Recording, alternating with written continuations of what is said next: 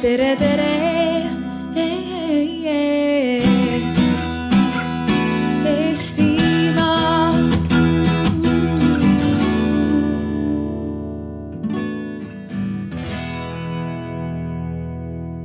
Ühesõnaga, meie esimene arutelu keskendub sellele, et kuidas võidelda nakkushaigustega globaliseeruvas maailmas. ja tegelikult ma ka natukene räägin sellest taustast, enne kui me jõuame osalejate ja reeglite juurde, et miks me selle teema valisime Äh, on nii, et kui me ükskõik millest täna räägime, siis me räägime seda ikkagi sellises äh, suures pildis. ehk kui me räägime majanduskriisist, kui me räägime julgeolekukriisist, siis me ei saa seda teha enam nii, et me ütleme, et mujal maailmas näiteks on äh, oht suure konflikti tekkimiseks väga suur, aga Eesti on sellest kõigest kõrvale jäänud. kui me räägime majanduskriisist ja majanduskriisi võimalustest, ka siis me peame alati arvestama seda suurt pilti. me oleme osa sellest suurest pildist ja kui me vaatame nüüd seda, milline seis on nakkushaigustega näiteks äh, Euroopas või maailmas tervikuna, siis me näeme, et see pilt on tegelikkuses väga kirju. et need haigused, mis me oleme juba unustanud, äh, millest meile võib-olla võivad rääkida vanaisad ja vanaemad, need on kusagil endiselt alles ja neid on endiselt võimalik Eestisse täitsa tagasi tuua ja muidugi see globaliseerumine on selline tore sõnakõlks, et seda meile meeldib kasutada, et see on üks selline lemmiktermin, mis alati justkui lisab jutule sellist kaalu. aga vaatame numbreid, et kas kellelgi on aimu, et mitmel korral välisturistid eelmisel aastal Eestit külastasid? no mingi number. see on suur, see on suur. no kümme läheb sinna lähemale, jah, tegelikult on kuus miljonit. Ehk ühesõnaga kuus miljonit äh, visiiti. no need võisid ka olla mõned muidugi korduvad inimesed, me ei saa öelda, et kuus miljonit erinevat inimest, aga kuus miljonit visiiti registreeriti Eestisse.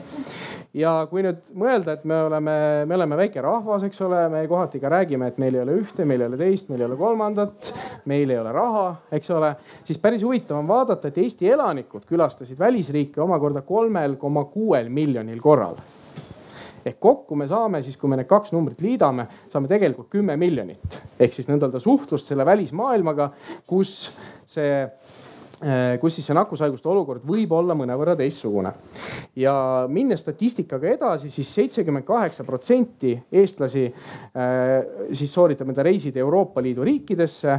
Venemaale tehti siis järgmise sihtkohana üle kolmesaja tuhande reisi. ja eelmisel aastal tõusid äh, reisi sihtkohtadena siis populaarsuse tabelis näiteks sellised riigid nagu Bulgaaria, Egiptus, Kreeka ja Türgi mis see siis omadega kaasa toob? eelmisel aastal registreeriti ka üle kahesaja reisimisega seotud nakkushaiguse ja neid toodi meile sisse viiekümne kahest riigist. siinkohal ma pean kõigepealt ka oluliseks muidugi öelda seda, et need kõik ei olnud sugugi mitte vaktsiin välditavad, aga mingisuguse pildi annab ta ikkagi ette. ja rääkides riikidest, siis edetabeli eesotsas Tai, siis Venemaa, siis Egiptus ja vaatame nüüd natukene seda olukorda. et äh, kui me räägime Eestist, siis Eestis on juba aastaid vaktsineerimisega hõlmatus, ma igaks juhuks ka seletan ära varsti, mis see hõlmatus on, langenud null koma kolm protsenti aastas. ehk ma võtsin ette tabeli, vaatasin aastast kaks tuhat kaksteist alates äh, MMR vaktsiini hõlmatus ja seal oli selline kindel, selge langustes nets olemas. samal ajal ütleb Maailma Tervishoiuorganisatsioon et selleks, et ära hoida sellist suuremat nakkushaiguste puhangut, peab olema üheksakümmend viis protsenti inimestest vaktsineeritud sellest sihtrühmast. meie vaktsineeritus on juba selline noh, ütleme sõltuvalt äh, vaktsiinist selline üheksakümne ja üheksakümne viie vahel.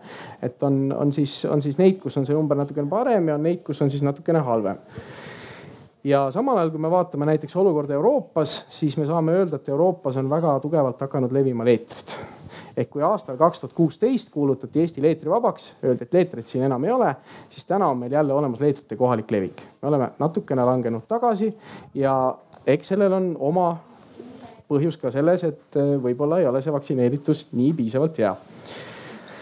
ja nüüd, ja nüüd ongi see küsimus, et mida siis sellega siis teha tuleks, et äh, nakkushaigused on olemas, nad on meil siin kohapeal, nad on mujal, neid on võimalik sisse tuua täpselt nii nagu kaupa välismaalt. et mis see siis on, mis siis, äh, mis siis tuleks ette võtta sellega, et me ka tulevikus saaksime siin rahulikult ja tervelt elada. ja siis tänane paneel äh, siis koosneb nendest inimestest, kellel igalühel on see kokkupuude olemas. et Karmen Joller, perearst eh, valitud kahe tuhande seitsmeteistkümnendal aastal aastaarstiks, läks mul õigesti, jah. ja Karmen tegeleb tegeleb siis nii suures kui ka ütleme siis ka sellises taktikalises pildis vaktsineerimisega. ehk perearstina on äh, üks tema ülesanne inimesi vaktsineerida ja teisest küljest on ta ka väga tugevalt seisnud sellise teaduspõhise tervishoiu propageerimise ja, ja eelkõige sellise selgitus töö, töö tegemise eest. Ene Tomberg on hariduselt lastearst ja siia on ta kutsutud kui Äh, Eesti Lastekaitse Liidu president. ehk kui me räägime vaktsineerimisest näiteks, siis me räägime ikkagi põhiliselt laste vaktsineerimisest. ja kui laste huvid on mängus, siis on mõistlik kutsuda ka Lastekaitse Liit. Martin Kadai, äh, terviseameti erakorralise meditsiini osakonna juhataja ja Martin on enda hariduselt, parandan nüüd palun mind, kui ma eksin, geenitehnoloog peaaegu okei okay,, no peaaegu on päris hea. ja, ja Martinil on ka pikk kokkupuude samamoodi sellega siis, et kuidas neid nakkushaigusi ennetada ja milline siis see maailmakaart on. ja muidugi sotsiaalminister Tanel Kiik, kes juba enda esimeses, esimeses antud intervjuus ka rääkis, kui oluline on tervishoid ja kui oluline on, on näiteks see, et tõenduspõhine tervishoid oleks meil au sees ja, ja igatepidi heas seisus. ja eks Taneli osa on võib-olla natukene see, et kui tema on meil siin poliitikakujundaja, et siis võib-olla saab ta siit mõne hea idee või võib-olla ta saab meile rääkida mõne hea idee. ja mina olen siis moderaator Simmo Saar, minul on siin kõige väiksem roll eh, nüüd räägime natukene reeglitest ka, et kuidas me, kuidas me seda arutelu siis hakkame siin eh, läbi viima, et nagu me kõik teame, siis on olemas sellised hea arutelu tavareeglid, et need reeglid iseloomustavad Arvamusfestivali tegelikult terve selle aja, kui ta on eksisteerinud ja selle on kokku pandud siis eh, Arvamusfestivali vabatahtlikud. eesmärk on väga lihtne ja üllas. sellega soovitakse arendada Eesti sellist arutelukultuuri ja reegel number üks, austame aega, arutelu juhti ja kõiki teisi osalejaid. täiesti elementaarsed, ühesõnaga oleme üksteise vastu viisakad. ja kui me midagi, midagi väidame, siis me seda ka tõestame, eks ole. kui meil on mingi mõte, me ütleme, et see on nii, et mina arvan, et see on nii, siis me ütleme ka, miks me arvame, et see on nii kuulame, see on sama oluline kui kõnelemine. ehk me kuulame ka seda, mida teised inimesed siin arvavad oleme arutelus osalevate inimeste suhtes hinnanguvabad. ehk siin on igalühel on õigus öelda seda, mida ta arvab ja kõigi, kõigi arvamused on igatepidi teretulnud. ja äh, meil on ka siin see, et me reageerime alati mõtetele, mitte isikule ning lahenduskesksus, et kriitika olgu lühike ja seejärel pakume lahendusi. ja nüüd me jõuame siis nende selliste natukene detailsemate reeglite juurde, et sõnavõtu pikkus võiks olla kolm minutit ma arvan, et see on selline mõistlik, et kui, kui inimene tahab enda mõtet avada, siis kolme minutiga peaks saama hakkama.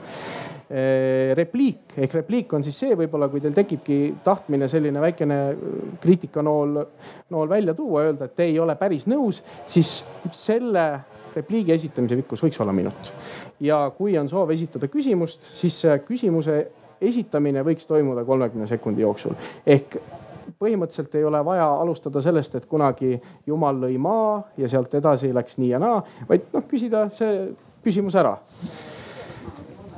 Nii, ma arvan, et siin on, kõik on selge. Ah,. ja kui te olete tähele pannud, see on sellised huvitavad äh, punased ja rohelised äh, paberid, paberitükid, et äh, need on sellised multifunktsionaalsed, hästi lihtsad, aga neil on Äh, mitu eesmärki.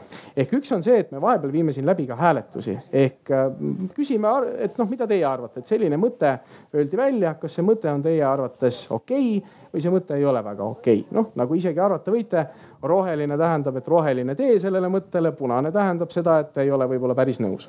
aga kui te ka tahate näiteks avaldada arvamust, teile tundub, et keegi siin laval räägib midagi, te ei ole nagu päris nõus, siis võtate ja näitate talle punast kaarti tõstate selle üles, näitate, hoiate, eks ole, tahate, sellega te näitate, et teil on olemas vastuargument ja siis võib-olla siis on ka see, et kui ajakava seda lubab, siis ka saate selle vastuargumendi esitada ühe minuti jooksul. et tundub, et on selge. aga alustame siis, alustame siis vaikselt pihta.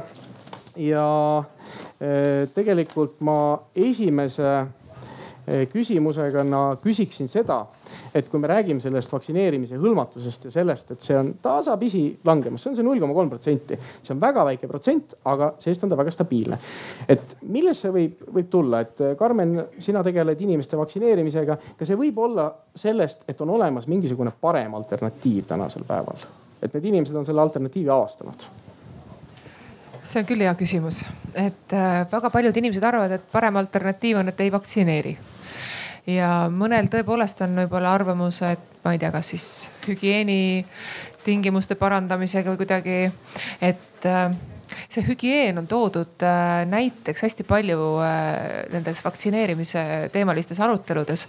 rääkides, et kui äh, inimesed üheksateistkümnendal sajandil hakkasid aru saama, et tegelikult käte pesemine on oluline ja mustuses elamine ei ole hea ja, ja õpiti toitu säilitama paremini. et siis tõepoolest haigestumised vähenesid, et see on, see tõesti teaduslikult on seda tõestatud ja seda on näidatud. ja inimeste eluiga pikenes ja ma tean, et üheksateistkümnendal sajandil ka tehti ju avastus üks äh, Äh, üks naistearst, äh, kes võttis vastu sünnitusi, tema siis tegi suure avastuse, et kui ta äh, peseb pärast iga sünnituse või sünnitaja juures käimist käsi, et siis naised surevad vähem ära et tänapäeval tundub meile see nagu nii elementaarne, aga siis, siis oli see midagi erakordset.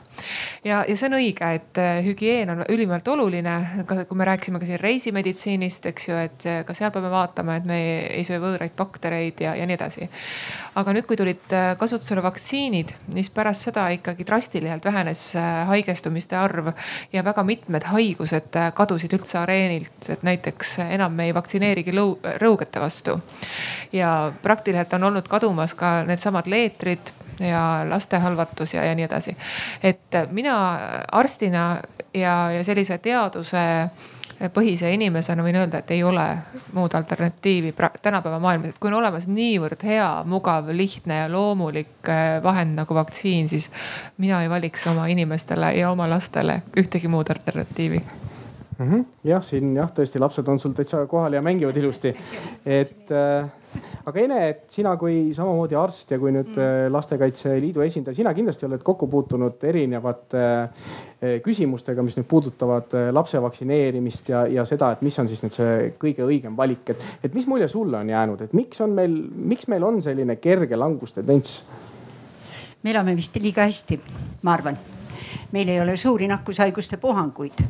aga samas, kui sa ütlesid et, et null koma kolm protsenti aastas langus siis tegelikult leetite vastu vaktsineerimata üle kümne tuhande lapse aga üks asi, mille peale me ei mõtle, et sellel kümne tuhandel lapsel on kontaktid. tal on kontaktid oma peres, tal on kontaktid klassikaaslaste seas, lasteaias ja nii edasi.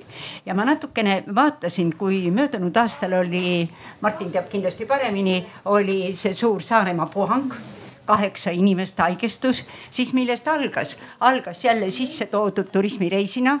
haigestus inimene, kes võttis sellel isikul vereproovi edasi läks see laborant läks lasteaiapeole ja edasi nakatus kuus inimest, et ma tahaksin toonitada seda, et küsimus ei ole ainult selles, minu laps on vaktsineerimata ja mina arvan, et mul on õigus jätta oma laps vaktsineerimata, millist õigust mm -hmm. vanemal ei ole.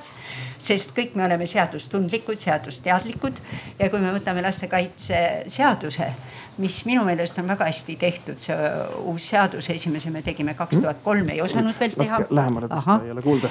siis ähm, seal on tõesti sees, et igal lapsel on õigus tervisekaitsele ja ainult aeg näitab, millal ta on äh, küps otsustama mis tema oma tervise heaks te teeb. et me kuidagi oleme umbes nii, et noh, kuni ta on kodus minu leival, niikaua mina otsustan vaktsineerida või mitte vaktsineerida mm. -hmm. ja olen tõesti ka, kuna pikki aastaid töötasin ka lastearstina ja, ja ausalt öeldes, kui ma alustasin, ei olnud üldse niisugust juttugi, et, et laps vaktsineerimata, ju siis olid vanemad teadlikumad võib-olla. või siis äh, tänapäeval suhtuvad natukene paremini mm, -hmm. teistmoodi, aga tahan öelda, et lihtsalt meid on Äh, meie ajajärk on suhteliselt kulgenud väga rahulikult praegu mm. -hmm. et tõesti, meil ei ole niisuguseid suuri mm -hmm. puhanguid, aga jällegi nii nagu sa rõhutasid, kus maades me käime. et äh, see on hästi oluline, unustasid mm -hmm. Ukraina ütlemast, kus meil on ka öö, äh, ja, olemas kontakte, eks ole. nii et ähm, ikkagi, ikkagi vaktsineerimine on parim mm -hmm. ja tõhusaim viis, nii nagu kõik meie. ehk siis, ehk siis küsimus ei ole mitte selles, et on leitud midagi paremat, vaid, vaid, vaid pigem ei. on see, et elu on ilus ja tundub, et see võib-olla ei ole tol hetkel vajalik. ja, ja tegelikult ole? ma mm -hmm. ütleksin siia juurde, et eh, on leitud paremat ja mm -hmm. ka vaktsiinide kvaliteet paraneb ju mm -hmm. ka. ja, aga lähme, jah, selge, aitäh, liigume edasi. et äh, Martin, ülevaade maailmast, et kuidas, kas sina näed seost, ma saan aru, et tegelikult on see maailmakaart küllaltki kirju ja ka see hõlmatus kõigub üpriski palju, et no Eestis on ta päris hea, Soomes on ta väga hea, on riike, kus ta nii hea ei ole ja kus ilmselt ka on mingisugused alternatiivsed meetodid. et äh, kuidas sulle on jäänud mulje? ma töötab. ma põhimõtteliselt toetan Enet äh,. eks neid vaktsineerimise, vaktsineerimata jätmise põhjuseid on tegelikult äh, päris palju ja igalühel on isiklik põhjus või, või mingi veendumus, uskumus, mis iganes lõppkokkuvõttes. Aga ma isiklikult võtaks selle kokku ühe fenomeniga, mis tekib äh, seoses äh, heaoluga. selle asja nimi on riskitaju mm. -hmm. ja, ja täna me tegelikult olemegi jõudnud äh, vaktsiin välditavate nakkushaigustega sellise paradoksini, mida me tunneme riskitajuna, kus äh, ühtepidi tänu vaktsineerimisele on needsamad vaktsiin välditavad nakkushaigused kadunud ja me küsime endalt, aga miks me siis nagu vaktsineerime mm. -hmm. ja, ja, ja see ongi selle nagu asja asja tuum oma olemuselt, et, et tegelikult ega neid riskitaju paralleele me võime mhm. võtta nagu riigikaitse vaatest, me võime võtta finantsküsimustes, mis tahes ühiskondlikes nähtustes, kus me äh, libiseme mugavustsooni ja unustame ära tegelikult äh, päris mitmed riskid, mis on alles, mis võivad tekkida teatud hetkedel. et siinsamas kasvõi see, et äh, vaktsineerimine on globaalne projekt, vaktsiin välditavad haigused ja teised nakkushaigused on piiriülese levikuga. ehk et, et, et me, me jätame need kõrvale ja vaatame asja liiga kitsalt mm. -hmm. Aitäh ja küsi, küsimus siis nüüd äh, Tanel sulle, sulle kui ministrile, et äh, kuidas sulle tundub, mis mulje sulle on jäänud, et miks siis ikkagi see, miks siis ikkagi selline kerge langustrend on olemas ja kas täna ongi näiteks need inimesed, ütleme reaalselt need inimesed, kes ei soovi vaktsineerida, neid ei ole võimalik ümber veenda. kas on võimalik neile mingisugust muud alternatiivi üldse pakkuda? Jah, et ma arvan, et lisaks juba eelpool nimetatutele on kindlasti väga suur roll sellel kaasaegsel info tarbimisel ja kõigil sellistel libauudiste levikul, võib-olla sellise nii-öelda alternatiivmeditsiini laiemal pealekasvul. et noh, internet on tänapäeval selline keskkond, mille kohta on hästi öeldud, et see on nagu janu kustutamine tuletõrjevoolikust. ehk et inimene läheb sinna midagi otsima, ta saab sadu lehti, tuhandeid lehti erinevates keeltes mm, -hmm. erineva professionaalsuse astmega. samamoodi on kirjandusega, et võib-olla mõni inimene kõigepealt õpib kuus aastat ülikoolis, siis ta läheb residentuuri, siis ta praktiseerib, siis ta võtab kuskil keskeas kokku julguse, kirjutab mõne raamatu, tuginedes teistele teadusuuringutele. teine inimene näiteks satub mõnda huvitavasse olukorda elus, on see seotud mõne haigusega, mitte, paneb pealkirjaks minu lugu, paneb selle töösse. suure tõenäosusega raamat on kordades populaarsem mm -hmm.. vahet ei ole, et sellel ei ole midagi pistmist teadusega, see on konkreetselt inimese enda emotsioonid, inimese enda kogemus. see läheb nagu töösse, läheb laivi ja seal, sellega on tihti väga lihtne suhestuda inimestele, samamoodi mm -hmm. nagu internetis, et kahjuks väga paljudest lugudest on tõesti sellised äh, inimese võib-olla enda emotsiooni pinnalt tekkinud soovitused ja tihtipeale kahjuks on need ka teadlikud libauudiste levitamised, millega me väga järk-järgult võitleme, millega hädas mitte ainult Eesti, mitte ainult Euroopa, vaid laiemalt maailm. et vaadates erinevaid kampaaniaid, mida me näinud, on see siis lihtsama näitena siin see Brexiti toomine, on see muu selline tervishoiu nii-öelda sektori rünnakud selliste igasuguste MMS-i laadsete liikumiste poolt, ka vaktsiinivastaste poolt. siis väga tihti need põhinevad ikkagi väga lausel ja kahjuks jämedal valel ja statistika, mida välja tuuakse, numbrid, need slaidid, mida näidatakse, on küll tihti väga kaasaaravad, aga, aga mingisugust tõenduspõhisuse taga pole. ja kui ongi kõrval on siis ütleme inimene, kes tahaks debateerida mm, temal on võib-olla sadu lehekülge uuringuid, aga teisel on emotsioon ja teisel on lause, et aga minul oli nii ja siis vaidle temaga, et see nagu emotsioon versus mhm. teaduspõhisus.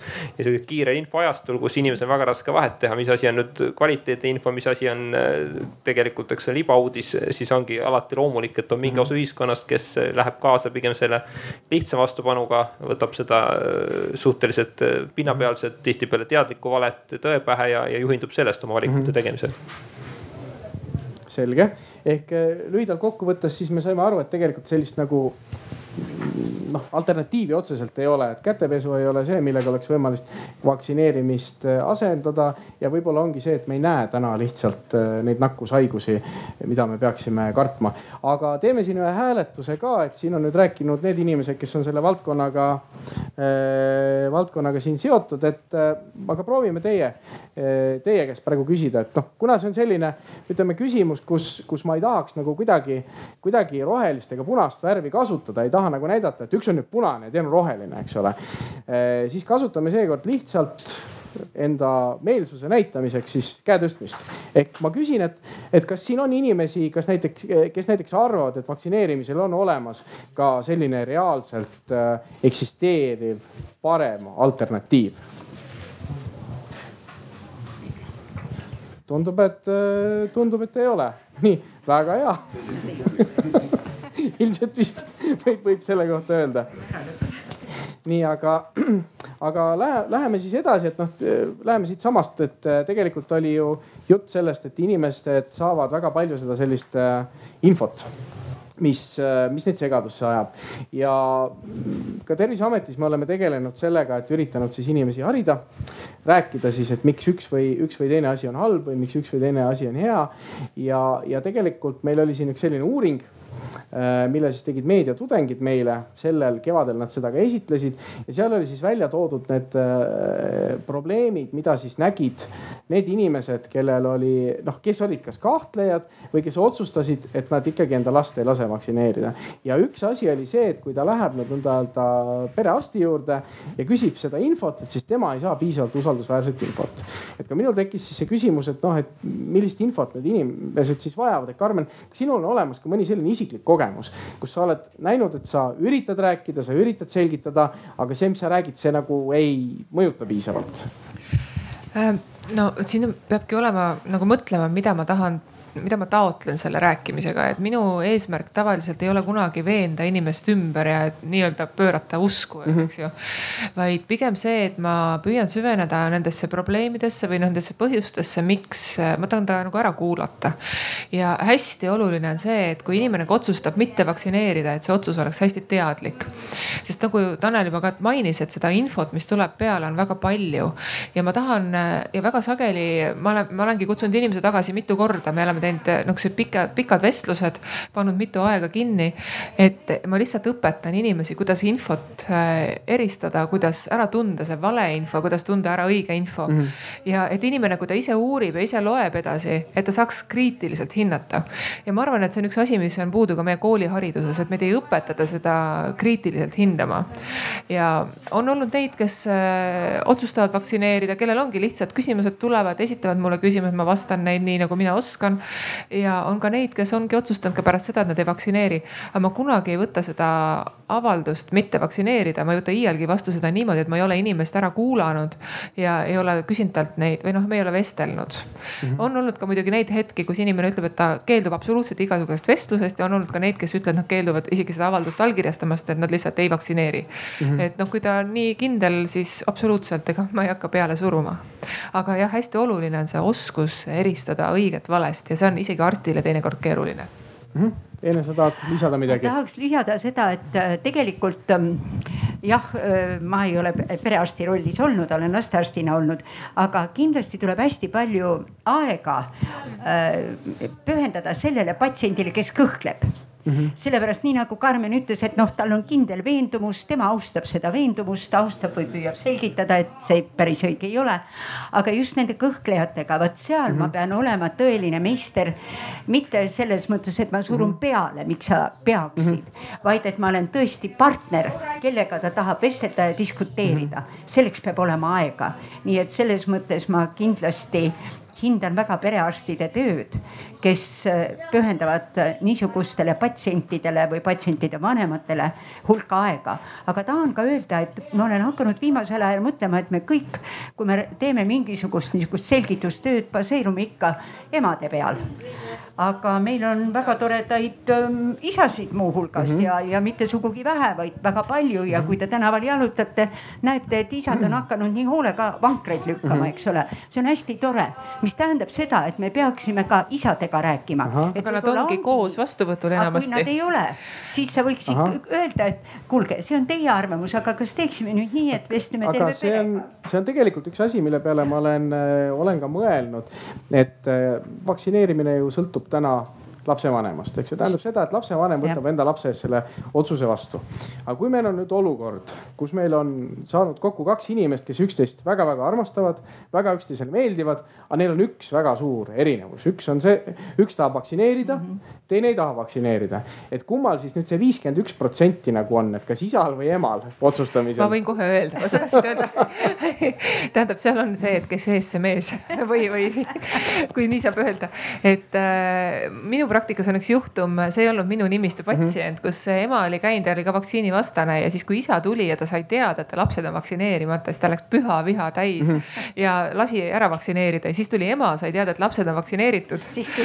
et noh, ühesõnaga, et tegelikult see on tõesti selline asi, mida peab nagu ka mõtlema, et seaduse ees on üks lapsevanem, ükskõik kumb on kohal, see otsustab mm. -hmm mina Aha. arvan niiviisi, et pere jaoks ei ole mitte oluline ainult eelarve, vaid kindel veendumus mõnede asjade osas. ja tegelikult laste vaktsineeritus mm, -hmm. see on probleem, mis on pere probleem mm. -hmm.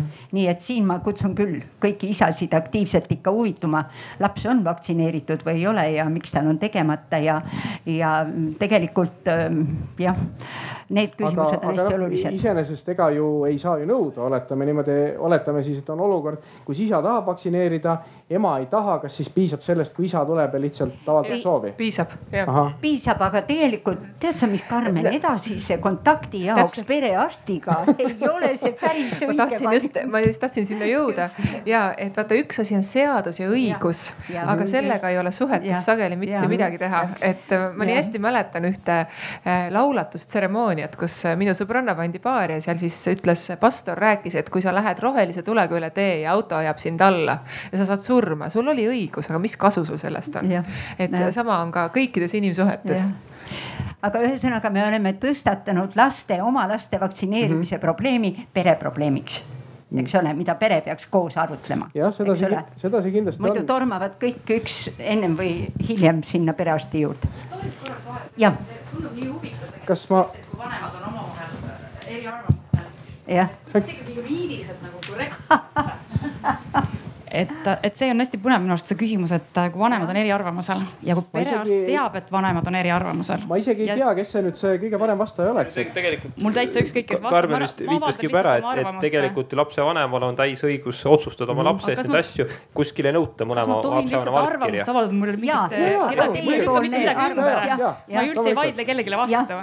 mul lihtsalt tekkis see küsimus, et puhtpraktiliselt, et kui perearst teab, et üks lapsevanem on vastu -hmm. ja tuleb teine, kes on poolt kas te tõesti julgete nagu vaktsineerida, ma mõtlesin, et ütles, et lahendage kodus ära ja siis teeme. ja see on kõige parem ja nii ongi ja nii ongi tehtud ka. aga näiteks ma toon veel, veel naljakama olukorra, eh, mis on meie perearstikeskuses ühest, ühel teisel perearstil.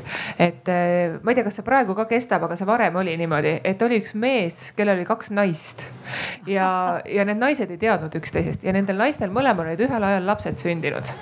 ja, ja siis pidi see pereõde, kes aega andis, pidi alati hoolitsema hoolitsema selle eest, et need pered üksteisega kokku ei satuks, need naised, eks ju. ja, ja nad vist isegi olid sattunud, aga nad loomulikult ei teadnud, nad on sama mehe naised. et, mhm. et no siukseid suhtepuntraid me peame tõesti väga sageli mm. lahendama, et mitte ainult vaktsineerimise teemadel. et seal on ikkagi lõpuks me noh, peame, no meil ongi õigus arstina lähtuda kas lapse huvist, mis on tegelikult meie kohus ja see tähendab, et me peaksime vaktsineerima ja. ka siis, kui üks vanem on vastu. aga teine asi tõesti, et edasist suhet säilitada, siis äh, võib-olla võib-olla kutsun vastuvõtule, nii nagu ma rääkisin. ma arvan küll, jah, ma arvan küll, et see oleks õige, sellepärast võib tekkida veel probleeme. selle vaktsineerimisega saime korda mm, -hmm. aga järsku tuleb nüüd järgmine või mingisugune, kasvõi mingisugune verevõtmine või HPV. on ka neid, kes kõik... käivadki oma partneri eest salaja vaktsineerimas, käivadki, nad ei ütle, et nende lapsed on mhm. vaktsineeritud. Äh, tähendab, siin me seame esikohale lapse mm -hmm. huvi nii, saan aru, et siin on. ja ma tahtsin küsida, et, et ma, ma kas Karmen või Ene, et äh, te mainisite juba seda laste õigust ise otsustada, et kui nüüd äh, vanem, vanemate konflikti juba puudutasime, aga kui vanemad ja laps on omavahel konfliktis, et äh, mis hetkest alates ikkagi lapse sõna võiks peale jääda? see on tegelikult äh, laste õiguste koha pealt väga hea küsimus. sellest hetkest, kui ta on võimeline otsustama, mina ei saa teile öelda, kas kaheksa aastane saab seda teha või mm -hmm. tema kasvab alles kolmeteistaastaseni selleni, kuni tema saab ise otsustada. küll on aga mul meeles üks ähm, Ameerika noorte seriaal hulk, hulk aastaid tagasi, kus oli siis tüdrukud, kolm tüdrukut õppisid ähm, terviseeksamiks koolis, kuueteistaastased. Ja kui nad siis katsusid, nii nagu raamatus oli kirjeldatud, oma rinnanääret, üks avastas sealt tüki. No nii, kuidas ta siis lõpuks läks emaga koos arsti juurde, aga mis mulle väga meeldis selles filmis. arst jättis ema ukse taha ja ütles, see on Brenda probleem esialgu ja pärast vestleme teiega. et noh, ühesõnaga tuleb austavalt suhtuda selle lapse arvamusse ja tõesti, siin ei ole ajalist piiri, et üheksa aastane on võimeline kaheteistaastane on võimeline ütlema, et ta. HPV vaktsiini tahab, sest kõik teised mm -hmm. tahavad. või hoopiski on viieteistaastasena alles otsustusvõimeline. nii, ma vaatan, et siin ja. oli käeviibe, soovitakse saada mikrofoni, kas katsume selles kuidagi üle ulatuda? nii. jah, et olen ka perearst Ingrid Talt. Et äh, üldiselt on laste otsustamisega väga selgelt reglementeeritud maailmas, on olemas head kliinilised tavad, mida kõik arstid peavad jälgima ja alates seitsmendast eluaastast tuleb meil tegelikult küsida lapse käest ka. et kaks vanemat võivad tulla väga hästi kohale ja öelda, et ma tahan vaktsineerida. Aga seitsmendast eluaastast saame siis ja peame küsima lapselt ka mm. -hmm nii et. et te peate küsima, aga kas te peate arvestama ka sellega, mis ta ütleb? aga on... loomulikult peame arvestama ja, ja tegelikkuses on ka sellist asja, et sageli oma hirmusid vanemad tahavad kanda lastele üle. aga lapsed ise on sageli palju teadlikumad, lasteaias juba räägitakse ja, ja, ja on isegi huvitatud rohkem mm. -hmm. ja koolis on nad juba kuulnud ja on huvitatud oma tervisest. ja, ja kui lapsega nagu ise rääkida et mis sina arvad hmm., siis äh, ei ole seal enam vanemate mõjutust, vaid me saamegi laste käest kohe sellise adekvaatse vastuse, mida tema tahaks suur aitäh selle märkuse eest, see oli täiesti mm -hmm. õige märkus ja tegelikult jällegi äh, ma arvan, Karmen, sina oskad paremini öelda, et kuidas oleks niisugune situatsioon, et vot ema tahab ja, või ei taha ja isa tahab vaktsineerida last. et sa kutsudki lapse juurde ja ütled, et ja nüüd mis, kuidas sina tahaksid ja nende puhul võikski alustada lapsest küsimust, et mida sina ja, tahaksid. tegelikult seda teemat on õiguskantsleri büroo väga põhjalikult uurinud mm. -hmm. ja nad on selle aasta kevadel ka väljas, välja andnud äh, dokumendi lapse õigusi õigustest äh, tervise, noh tervise otsustamisel ja, ja, ja ongi leitud, et kui arst mhm. leiab, nagu sa ütlesid, et laps on piisavalt äh, adekvaatne otsustama, mõni võib-olla ka viieteistaastaselt, eks ju, ei, ei ole mhm. teine on jälle viieaastaselt täiesti valmis tegema oma terviseotsuseid. et kui ta omal tasemel saab sellest aru, et siis -hmm. sõltumata vanemate tahtest võib see arst siis, kas siis noh, kui praegu on teemaks vaktsineerimine, et siis vaktsineerida. ja, ja nii ongi, et ja seal noh, Ingrid tõi hästi välja selle vanuse seitse. et tegelikult noh, see on jah, see hea kliiniline tava mm. -hmm. aga seal ei ole otseselt nagu seadusi taga mm -hmm. Eestis ka, aga -hmm. Eestis arstid väga kardavad minna vanemate tahte vastu. ja, ja see on asi, kus peaks nagu arste julgustama. aga mul on üks Siin küsimus on... Karmenile. Karmen, aga mis siis juhtub, kui laps ütleb, et ma ei taha ja vanemad tahavad vaktsineerida? noh, siis mina näiteks räägin lapsega no,. ega me ikka vägisi ma, ei tee. ma saangi aru praegu, et see ongi paljuski meil tegelikult selline nõnda öelda sellise hea kesk keskpunkti ja sellise hea kompromissi leidmise Teema. Eh, koht, eks ole. aga ma küsin nüüd praegu niimoodi, et noh, me räägime sellest, et kui vanalt võib hakata tarvitama alkoholi, kui vanalt võib hakata sõitma autoga, eh, kui vanalt võib hakata valima parlamenti või kohalikku omavalitsust. ja need numbrid on kõik tavaliselt natukene nüüd kõrgemad kui see seitse eluaastat, et noh, mul on ka ütleme nii, et seitsmeaastane, eh, seitsmeaastane poeg olnud, nüüd on ta vanem, teine hakkab seitsmeaastaseks saama. no ma ei oska nüüd öelda, kas ma kõikides asjades asjades teda nagu sada protsenti usaldan tema arvamust. aga kas ma, mulle meenub ka nagu Martin kunagi ütles, et tegelikult on hästi oluline, et selles, äh, sellises vaidluses ei jääks kannatajaks laps. et kui vanemad on eriarvamusel või või laps ja vanem on eriarvamusel, et noh, siis sellest võib jääda ka mingisugune jälg sellele lapsele. ja sellest mul tuleb ka küsimus, Tanel, sulle kas sa näed siin kuidagi vajadust seda kuidagi algatada suurem diskussioon või kuidagi reguleerida näiteks seda kirjutadagi kuhugi sisse, et mis vanusest ikkagi ja see vanus tuua allapoole, praegu ta vist on, palju ta on? ei ole piiri, ei, ei ole ühtegi piiri. ei ole piiri. saad täisealiseks, võid teha, mida tahad. juba lapsena võid teha. lapsena oled otsustusvõimeline. praegu seadus on tõesti paindlikum, et põhimõtteliselt on mm -hmm. niimoodi, et tervishoiuteenuse osutajal on siis öelda see pädevus hinnata, kas see laps, see alaealine on äh, pädevus. ise pädev saab aru, mida ta soovib ja, ja lapsel ei ole mitte ainult, eks õigus otsida abi, vaid ka saada abi mm. -hmm. ja tegelikult see teema, mida siin ju välja toodi, see tõesti õiguskantsleri poolt ka tõstatatud. Äh, näiteks siin on teatud vastuolu psühhiaatriaseadusega, äh, mis puudutab psühhiaatri teenust, et seal on täna niimoodi tõesti, et, et inimene peab olema täisealine, aga tegelikult mm -hmm. me näeme, lastel on ka vaimse tervise probleeme ja tegelikult õiguskantsler kirjutas ka meile just kirja, tegi sihukese ettepaneku, et me võiksime ka seal tegelikult viia sellise psühhiaatrile õiguse hinnata, kas see laps, kes ta poole pöördub, vajab abi või mitte, sest kunagi ei tea, kas lapsevanemad on ära, kas lapsevanemad on ise eitavad probleemi kuni selleni välja, et neil võivad endal olla mingid tõsised probleemid perevägivallani, alkoholiprobleemideni, muuni välja. aga seadus peaks ennekõike last kaitsma, nii et tegelikult selle seaduse vaatame tõesti üle, järgmisel aastal tööplaanis on ja see konkreetne ettepanek, kas täpselt sel kujul, aga igal juhul põhimõtteliselt sinna sisse jõuab, sest see põhimõte ja printsiip, et riik ja seadusandja peab tõesti arvestama, et laps on ju inimene sellest sünnihetkest saadik ja veel enne seda mm, -hmm. siis, siis tema heaolu peab olema igas mõttes kaitstud, kaasa arvatud kahjuks ka nende olukordades, kui ta lapsevanemad ehk ta enda vanemad seda ilmtingimata ei tee. jah, sest eh, kui me hakkame mõtlema, siis ega me ei küsi ju seitsmeaastaselt lapselt, et kuule, kas sa kooli tahad minna, et noh, tead, tahad saada haridust ja minna ülikooli ja minna tööle, seda me ei küsi, eks ole, seal me ütleme talle, sa pead sinna kooli minema no,. me ütleme ka lapsevanematele seda põhimõtteliselt. ja, ja põhimõtteliselt. ja, ja, ja keegi nagu ei võtagi seda kuidagi nagu kuidagi teistmoodi, et, et noh, et igal aastal null koma kolm protsenti vähem lapsi läheb kooli võrreldes eelmise aastaga, eks ole, sihtrühmast, et, et seal on jah, sellised oma, oma teatud nüansid on muidugi sees e,. aga kui me räägime, räägime nüüd sellest, et, et ikkagi see noh, langustendents on olemas, et mingisugusest hetkest võib juhtuda see, et me saame mõne sellise suurema puhangu. Äh, aga mis siis, mis siis nagu edasi saab, et kas, kas millalgi võiks üldse tulla kõne alla ka ikkagi see, et me vaatame üle selle, et kas me näiteks kohustame võib-olla lapsevanemat vaktsineerima. et kas selle üle jah, Karmen on me oleme arstide käest arutanud ja, ja meie ikkagi väga loodame, et Eesti inimene, kui me siin PISA skooris, skoore saame väga -hmm. kõrgetest tulemusi, et me oleme piisavalt targad, et, et ikkagi mõista seda olukorda, et meie arstide, terviseameti ja noh, kõigi -hmm. meie ülesanne on ju teavitada inimest piisavalt. mida saab teha ministeerium ja valitsus, saavad võib-olla teha väikseid niisuguseid tõukeid, et kas premeerida kuidagi neid, kes mhm. vaktsineerivad ilusti oma lapsi või, või et nagu sellise ikkagi, et head lapsed kasvavad vitsata ja ma arvan, et head lapsevanemad kasvavad ka vitsata. et ma nii väga tahaks loota, et see mm. sihuke süstemaatiline, kui me suudame jät-, teha natuke süstemaatilisemalt ja piisavamalt seda teavitustööd, ma usun, et inimesed hakkavad rohkem vaktsineerima mm. -hmm ma olen muidugi Karmeniga nõus, et niinimetatud rahvaharituse tõstmine, see nüüd peaks küll olema mitte lihtsalt ainult loosungiga või, või jällegi, et mhm. kui gripi äh, või gripi haigestumise hooaeg läheneb, et siis me hakkame hirmsasti tegema seda ennetustööd. me peaksime nagu inimeste üldist haritust just niisugustes terviseedenduslikes küsimustes väga äh, ehk, äh, tõstma. ehk see võiks siis pigem olla, ma saan aru, et ja. haridusteema.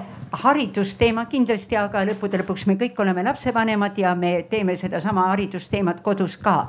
aga ma tahan öelda, et äh, jah, äh, välismaailmas, võtame USA, mul oli hiljaaegu näide äh, äärmiselt aktiivne ärinaine, kes sai paar aastat tagasi Eestis tunnustatud, töötab hetkel Ameerikas ja tema tütarlaps käib Beverly Hillsis koolis ja tüdruk, kolmeteistaastane ja emale oli öeldud, et teatud kuupäevaks te peate olema vaktsiini, mingisuguse vaktsineerimise talle teinud. ema unustas selle ära ja sellel hommikul, kui ta mhm. lapsega kooli läks, siis öeldi talle, et ei täna te ei saa kooli, ennem tuleb käia ja vaktsineerida ära. no see mhm. on natukene äärmuslik, ma muidugi toetan, Karmen, väga sind ja ma usun, et Eesti inimesed on niivõrd targad mm -hmm. ja arukad, et nad saavad aru, et minu lapse vaktsineerimine, see tähendab Eesti laste, kõigi laste mm -hmm. tervist. vot see ja. on. aitäh, siin ma nägin, et siin ma nägin, et Tanelil oli käsi juba vaikselt püsti. tahtsin öelda, ma absoluutselt toetan ka seda suunda, mis Karmen ka välja tõi ja tegelikult ka Ene kinnitas, et pigem me püüame tõesti seda heaga, et mhm. pigem on arutatud selles võtmes, noh näiteks ka lastetoetuste jagamisel, et kas peaks jälgima seda, kas mhm. laps jõuab oma vanemaga arsti juurde. et kas me hakkame vaatama just seda mhm. poolt, et, et kui inimene teeb mingeid nii-öelda soovituslikke, laias laastus isegi kohustuslikke protseduure korrektselt, on see mm -hmm. vaktsineerimine, on see lapsega stabiilselt arsti juures käimine, tema arengu jälgimine. ja siis vastavalt sellele saab ta ka toetusi ja muud sellist, et päris sellist kohustust, et sulle politsei ukse mm -hmm. taha, et sulle tulevad mingid trahvid kaela.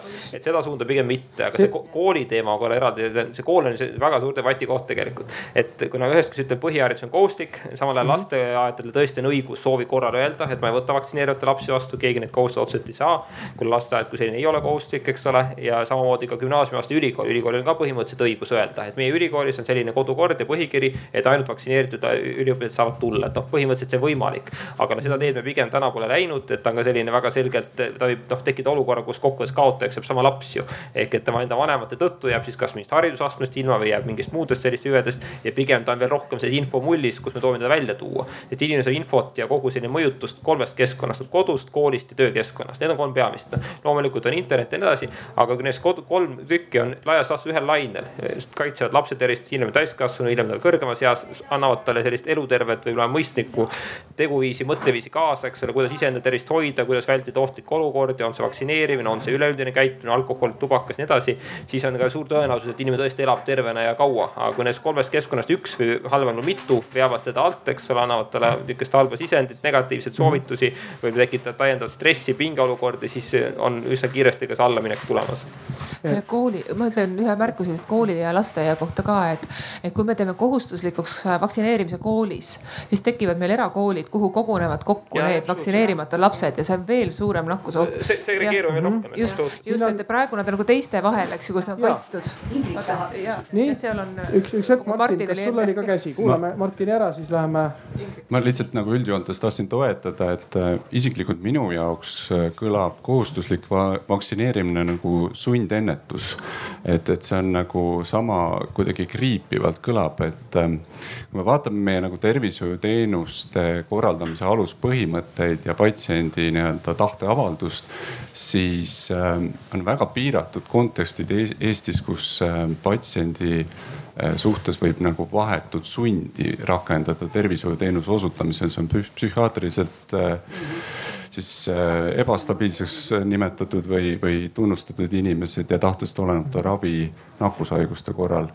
ja nüüd siia tulla on ühe, ühe sellise ennetusmeetmena kui kohustusliku meetmena on nagu väga raske ühtepidi ähm, aga samas ma tahtsin ka ära nimetada selle, et äh, siin oli juttu haridusest ja haritusest, et ähm, need uuringud, mis on tehtud, tegelikult näitavad ühte, ühte paradoksi, et äh, keeldujad, ma ei tea, miks see kärbes mind armastab, aga keeldujad on äh, rohkem äh, tegelikult haritud inimesed. nii et see siin ei tööta selles mõttes, et oleme haritumad ja, ja, ja, ja kõrgemalt haritumad ja siis me vaktsineerime rohkem, et mm, -hmm. et, et see, see ikkagi viib mind tagasi selle riskitaju küsimuste juurde ja, ja muude küsimuste juurde, nende fenomenide juurde, mis tegelikult on selle asja taga. nii et kokkuvõttes äh, praktiliselt ma ei näe võimalust, kuidas korraldada kohustuslik vaktsineerimine. ja, ja veel kord rõhutan üle ka selle mõtte, mida Tanel välja tõi, et äh, ma ei kujuta ette olukorda, kus nagu vanemad äh, juba on karistanud last sellega, et nad on jätnud ta nagu nakkushaiguse mhm. eest kaitseta. ja nüüd tuleb riik ja paneb veel ühe karistuse otsa, sa ei saa kooli ka, sa ei saa lasteaeda ka, jääd haridusest ilma. et ja, ja ühiskonnas me tegelikult ei tahaks ju sellist nagu klass, klassidesse jagamist, et need on need vaktsineeritud mhm. ühiskond mm -hmm. ja see on vaktsineerimata ühiskond. me, me ju tegelikult tahame, et meil on ühtne ja, ja ikkagi see kärbes. ikkagi selline nagu noh avatud ja ühtne ühiskond mm. -hmm. mulle no, nii meeldib, mulle, ma segan, mulle nii meeldis see vaktsineeritud ühiskond ja vaktsineerimata ühiskond, et mulle kohe kangastusid need ulmefilmid, kus on, kus on need vaesed ja rikkad ja mm, -hmm. ja väga huvitav. nii, kas siin oli kellegi, ah oh, oh, oh, nii, saadame jälle mikrofoni sinna.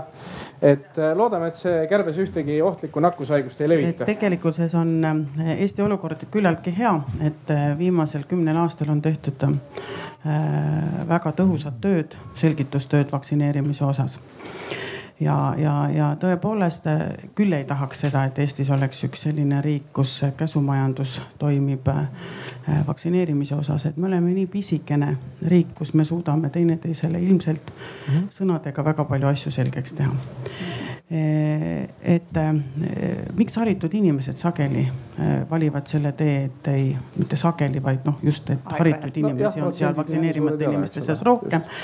on ka võib-olla see lugevus, et, et see, kes teab, et, et enamus nendest haigustest, mida vaktsineeritakse teatavasti kolmkümmend protsenti inimesi ei nakatugi neisse. kuigi neid võib ka neile ninna toppida vägisi. -hmm Eh, et kes seda lugenud on, see seda teab ja siis ütleb, ohoo, minul ei jäägi laps haigeks. aga tänapäeval eelkõige see selgitustöö ei ole ainult lastes küsimus, vaid eh, võtame näiteks pneumokokki vaktsiini et, et meie selgitustöö peab minema sinna, et me kaitseme perekonda, me kaitseme teie emasid ja isasid et lapsed, kes saavad selle haiguse äh,, sageli põevad ise seda kergemal kujul, aga nad toovad selle perekonda. Nad toovad seda ühiskonna vanematesse rühmadesse, eh, kus see võib letaalselt lõppeda et eh, see selgitustöö on ka väga oluline, et me ei kaitse eh, mitte ainult neid lasteaiarühma lapsi ja, ja teie last, vaid me kaitseme teie perekonna teisi liikmeid sellega, et te oma lapse ära vaktsineerite näiteks kasvõi ka gripi vastu eks ju. et jah, teie laps võib-olla üldse põeb seda väga kergelt või ei saagi või ei nakatu, aga vaktsineerides ta ei too seda tüve enam edasi. ja see on võib-olla sihukene hästi oluline, et, et inimesed saaksid aru, et, et me teemegi midagi ühiskonna jaoks, et meil see tänane teema on ka ju globaalse mhm. nakkushaiguste leviku pidurdamine. et see on väga oluline. siin on, siin on üks, siin on härra, soovib mikrofoni ja nüüd saate seal koopereerida, väga hea, väga hea. tänud ehm, eh, sekundeerin Martini mõttele, et, et selline, selline põhiküsimus on meil tegelikult lahendamata, et kuskohalt tavainimene saab endale adekvaatset infot või mismoodi ta seda saab, et, et. no vaktsineeri.ee, väga hea lehekülg. just, just, aga tegelikult, tegelikult siis ta läheb sinna vaktsineeri.ee-le, kui tal on juba teatud mingisugune haridus juba saavutatud ja oma mõttemaailm välja kujunenud. aga, aga koolis on meil ju selline asi nagu terviseõpetus ja, ja kui seal nagu seda fundamentaalsust või seda, seda põhja ei anta kätte, et mida tähendab ma ei tea, kas siis nakkushaigus, mis juhtub, kui see bakter või viirus satub organismi, mis, mis juhtub siis, kui ta ei ole vaktsineeritud, mis juhtub siis, kui inimene on vaktsineeritud mm. -hmm. et, et me, me tegelikult sellist, sellist head informatsiooni ja käegakatsutavat, võib-olla isegi, isegi äh, arvutianimatsioonina välja toodud sellist head asja me ei näe kuskil. et see ongi minu meelest see, see probleem, et kust leida väga head adekvaatset infot mm. -hmm. doktor Google tuleb nagu tuletõrjevoolikust, nagu siin juttu oli. minu meelest on seal kaks vastust äh, või kaks kohta juba ära näidatud. Te ütlete ühelt poolt, äh, mis juhtub, mhm. et äh, koolis peaks olema see terviseõpetus.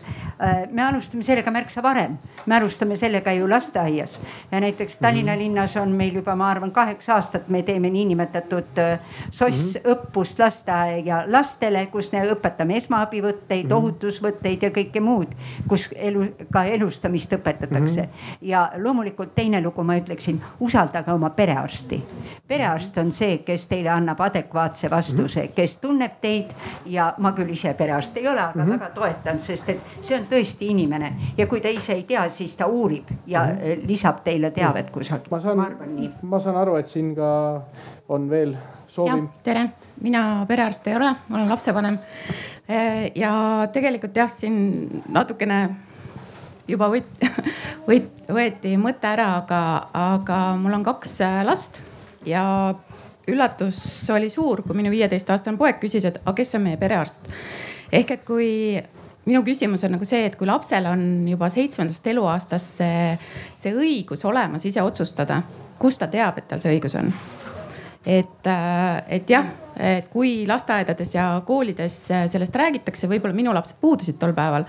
Aga, aga tõesti, mina olen üsna veendunud, et nemad sellest teadlikud ei ole Te mõtlete et... nüüd konkreetselt oma perearstist või millest? ei, just seda, et, et, see lapsel oleks ah, tead, tead. arst saab öelda, et äh, tervishoiuteenus, tähendab tervishoiutöötaja, kes tegeleb selle lapsega, saab ju öelda seda nii emale, isale kui ka lapsele, et vaadake, et mm -hmm. noh, kui me räägime nüüd õigustest, aga, aga nagu ma ütlesin, siis noh, tegelikult kui me ainult õigusega hakkame minema, et siis see läheb mm. natukene keeruliseks mm. -hmm. nii, Tanel tahtsin kahte vahepeal tulnud teemat kommenteerida, et, et üks asi on see, et miks võib-olla kõrgemalt haritud inimesed eh, kohati tõesti vaktsi, jätavad vaktsineerimata tihedamini.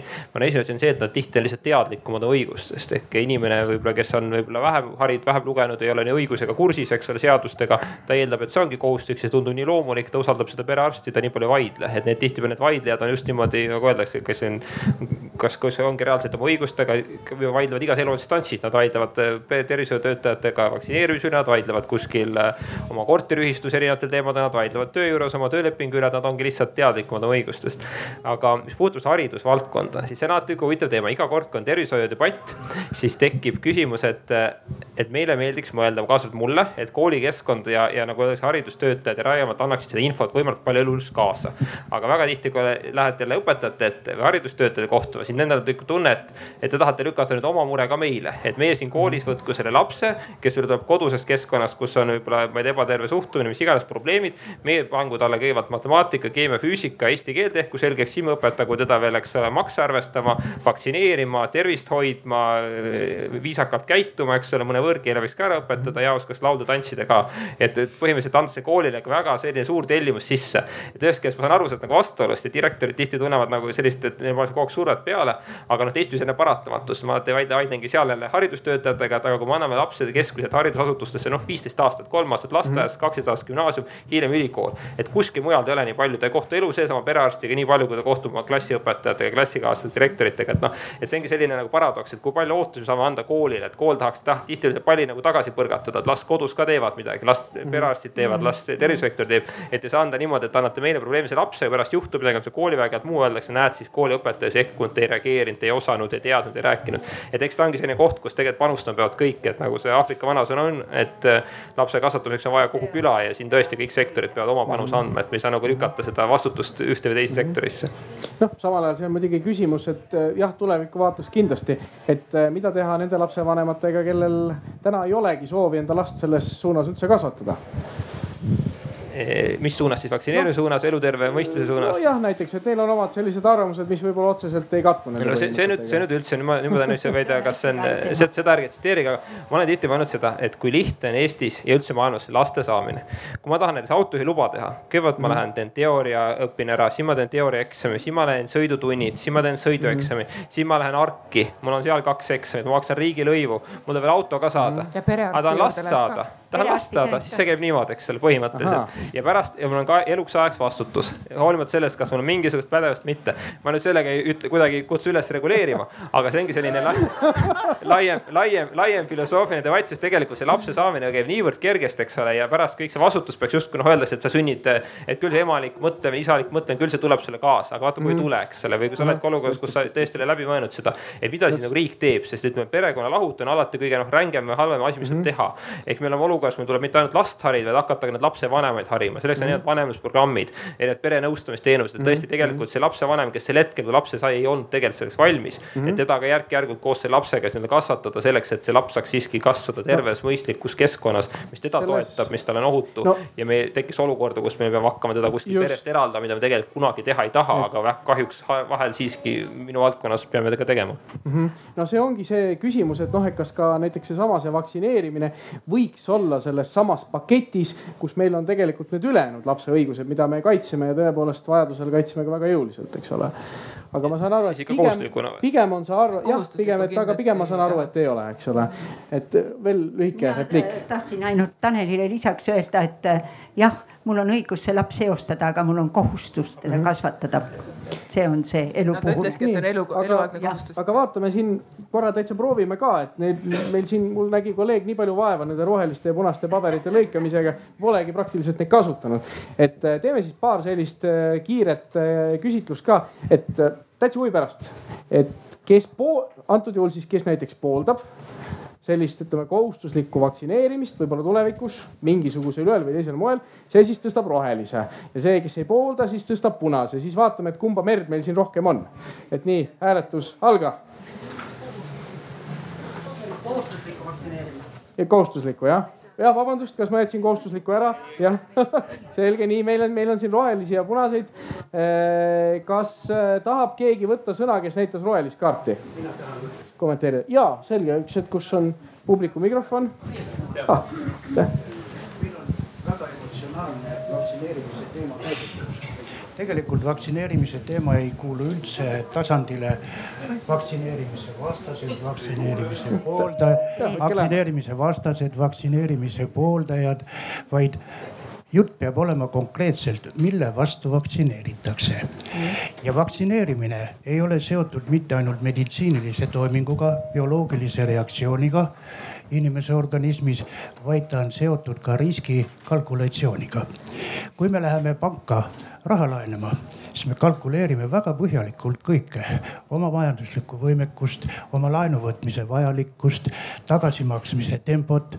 prognoosime ka seda, kas sisemajanduse koguprodukt suureneb või väheneb. praegu tundub, et hakkab tasakesi vähenema, mis on väga kurb.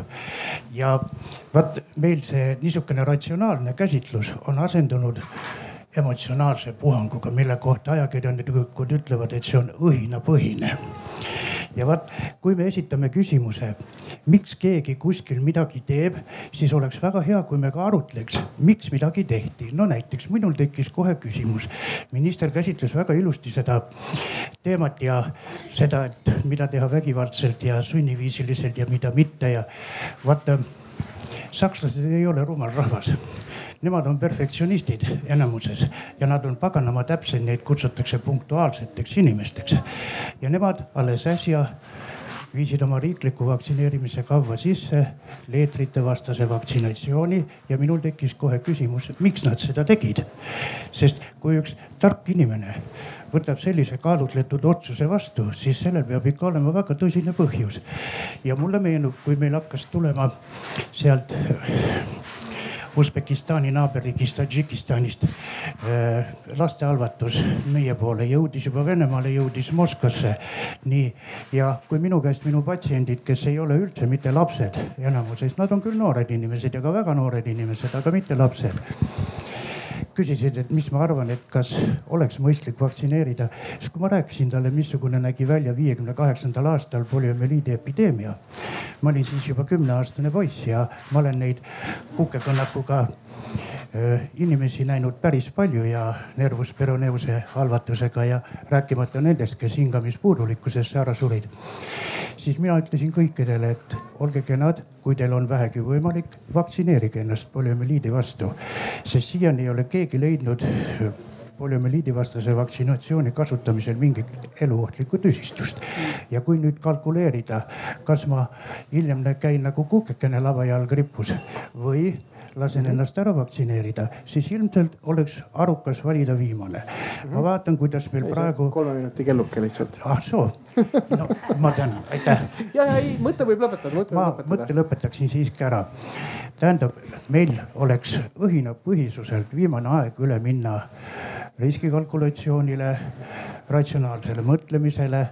kui me pärast see kõiki neid ratsionaalse mõttekäike teeme mingisuguse otsuse, siis see tuleb nagunii emotsionaalne mm. -hmm. see on teada, et viimane valik on emotsionaalne, kui ka erinevaid variante oli rohkem kui üks. siis vaat see pool meil praegu puudub ja ma näen, kuidas meil noh, on mindud niisuguse sõnakasutuse gümnastika teed. tervis on asendanud tervishoiu, mis ei ole üldse mitte niimoodi, sest tervis on seisund. Ja tervishoid on ettevõtete kogum, tegevuste kogum. igaüks, kes natukene on filosoofiat nuusutanud, teab, et need on täiesti erinevad asjad. ja tähendab, sellist sõnapettust inimestele esitada ei ole vaja ja mul on sellele perearstile, kes nii toredasti rääkis sellest lapse vaktsineerimise nõusoleku küsimisest. kas ta on mõelnud, kuidas seda tuleks küsida? sest mm -hmm. oluline ei ole ainult see, mida küsida, vaid kuidas küsida, millal küsida ja mille jaoks küsida mm. -hmm. Ja vot seal ongi niimoodi, et kui lapsele ikka esitada küsimus, et kas sa tahad, et su sõber naabri Peeter haigestub näiteks leedritesse ja sureb ära, et kas sa seda tahad mm. -hmm. ja kui talle selgitad ära, kuidas tema võib seal olla aktiivne osaline, siis ta ütleb, et ja ma tahan vaktsineerida. aitäh, ma olin liiga pikk.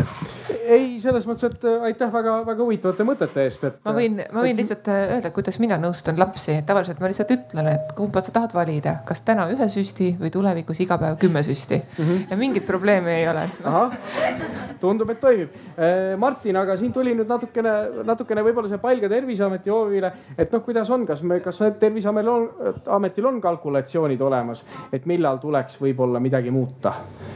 ma, ma tahtsingi kommenteerida, et tegelikult ju need kalkulatsioonid on olemas, kui me räägime täna laste vaktsineerimisest Eestis, me räägime suuresti immuniseerimiskavast. ma arvan, et enamus on kuulnud sellist asja nagu immuniseerimiskava, mis on siis riiklik eh, rahvatervise programm oma olemuselt, kus on ära määratud siis täna vist üksteist, kaksteist, kaksteist nakkushaigust, mille vastu siis teatud intervalliga me oleme ette näinud, et lapsi, kõiki lapsi Äh, riiklike eelarvevahenditega vaktsineeritakse, kõigile on see võrdselt kättesaadav tervishoiuteenus ja, ja selles ei olegi küsimust ja seal on need riskikalkulatsioonid globaalses, lokaalses mõttes, ka kuluefektiivsust oleme võtnud viimasel ajal väga palju sinna sisse. et, et see on tehtud, et me räägime täna tegelikult olukorrast, kus riik üsna emotsioonitult tegelikult mängib numbritega ja räägib sellest, et milline rahvatervise sekkumine on ühiskonnale kasulik haiguskoormuse vaatest ja ka lihtsalt kuluefektiivsuse vaatest konflikt tekib siin, kus sedasama riskikalkulatsiooni nüüd üksikindiviid ei jaga, sellepärast et temal on informatsioon ja ta vaatab seda nagu üksikindiviidi perspektiivist ja küsibki väga ausa küsimuse. mis te jamate, laste halvatus viimati oli Eestis kuuskümmend midagi, eks ole. ja me vaktsineerime ja ta ei, tegelikult ei mõista seda globaalset äh, perspektiivi selle asja juures, ta ei mõista, et see on globaalne nakkushaiguse väljajuurimise programm. vot, vot need on võib-olla need nüansid, kus kus põrkuvad ka kaks probleemkohta.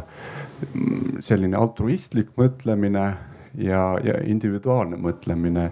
et mm, -hmm. et, et, et paratamatult ma nagu leian, et, et siia jäävad alati sellised väiksed taskukesed, et me ei saavuta nagu kõiki inimesi mm -hmm. sellesse programmi ja see on paratamatu, aga, aga ma nagu rõhutaks üle, jälle on kärbes siin. ma rõhutaks üle, et et äh, me peame tegelema inimestega, nagu siin ennem ütles Ene ja, ja ka tegelikult Karmen, et kes kõhklevad mm. -hmm. sest need inimesed äh, on täna segaduses, nad tahavad saada Just. veendumust ja, selle, ja tõendust. jah, selle, selle juurde me läheme, et kuidas seda eh,, kuidas seda teha, ma nägin, et siin oli, siin oli ka soov paar sõna öelda. ja niimoodi, ma ennist ei tutvustanud niimoodi, Eesti Arstide Liidu esindaja olen ähm,. Ähm, võib-olla sissejuhatusest jäi üks äh, mõte puudu, et kogu selle vestluse äh, taustaks on üks riiklik immuniseerimiskava, et me ei räägi abstraktselt vaktsineerimisest kui sellisest, et siin mm -hmm. on ikkagi nagu kindel nimekiri mm -hmm, teaduspõhisest, riskihinnangute põhisest lähenemisest, mida me kõik toetame. no mul on küsimus ministrile ja seoses tervishoiutöötaja vastutusega, et me jällegi lähtume eeldusest, et kõik perearstid toetavad vaktsineerimist.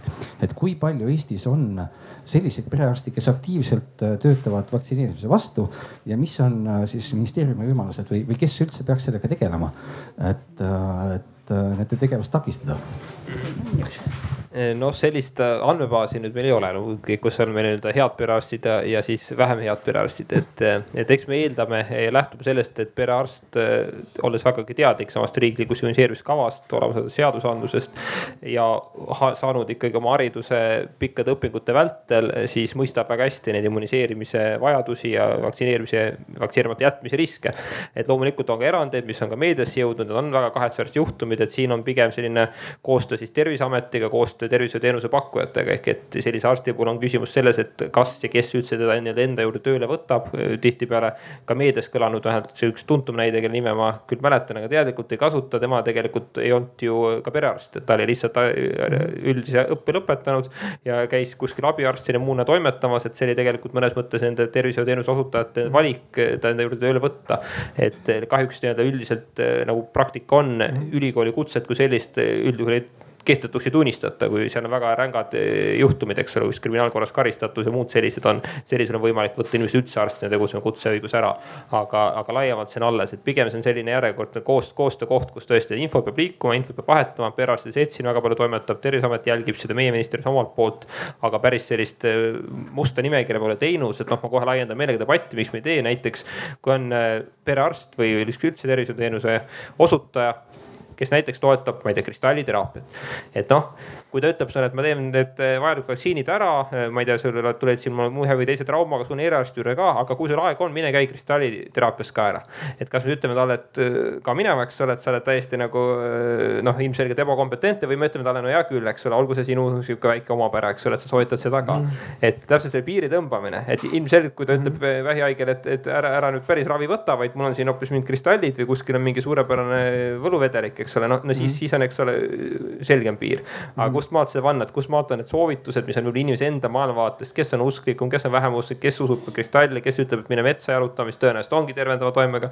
ja, ja kus sa paned selle piiri, kus maalt sa ütled arstile, et vot sina enam ei sobi arstiks, et see on selline õhkõrn piir, mida me teadlikult niimoodi hakanud tegema, sest sellisel juhul me ilmselt hakkaksime sellist nõiajahti tegema, hakkas ka kaebusi tulema, hakkaks igasugu imelikke niisuguseid olukordi tekkima, kus me siis meedia veergudel või kuskil hakkame lahkama mingisuguse perearsti isiklikke veendumusi ja kas need vastavad tavale, mitte tavale, et, et noh, meil arste kahjuks ja õnneks on pigem puudu ja nad teevad oma tööd mm -hmm. südame ja kirega ja, ja väga vajalikult, et, et me pigem püüame tõesti tegeleda ainult nende äärmuslike juhtumitega, kus tõesti on inimene juba ilmselgelt äh, andmas äh, ebaravi ja, ja selliseid mitteteaduslikke soovitusi, mis patsiendi tervist ohustavad.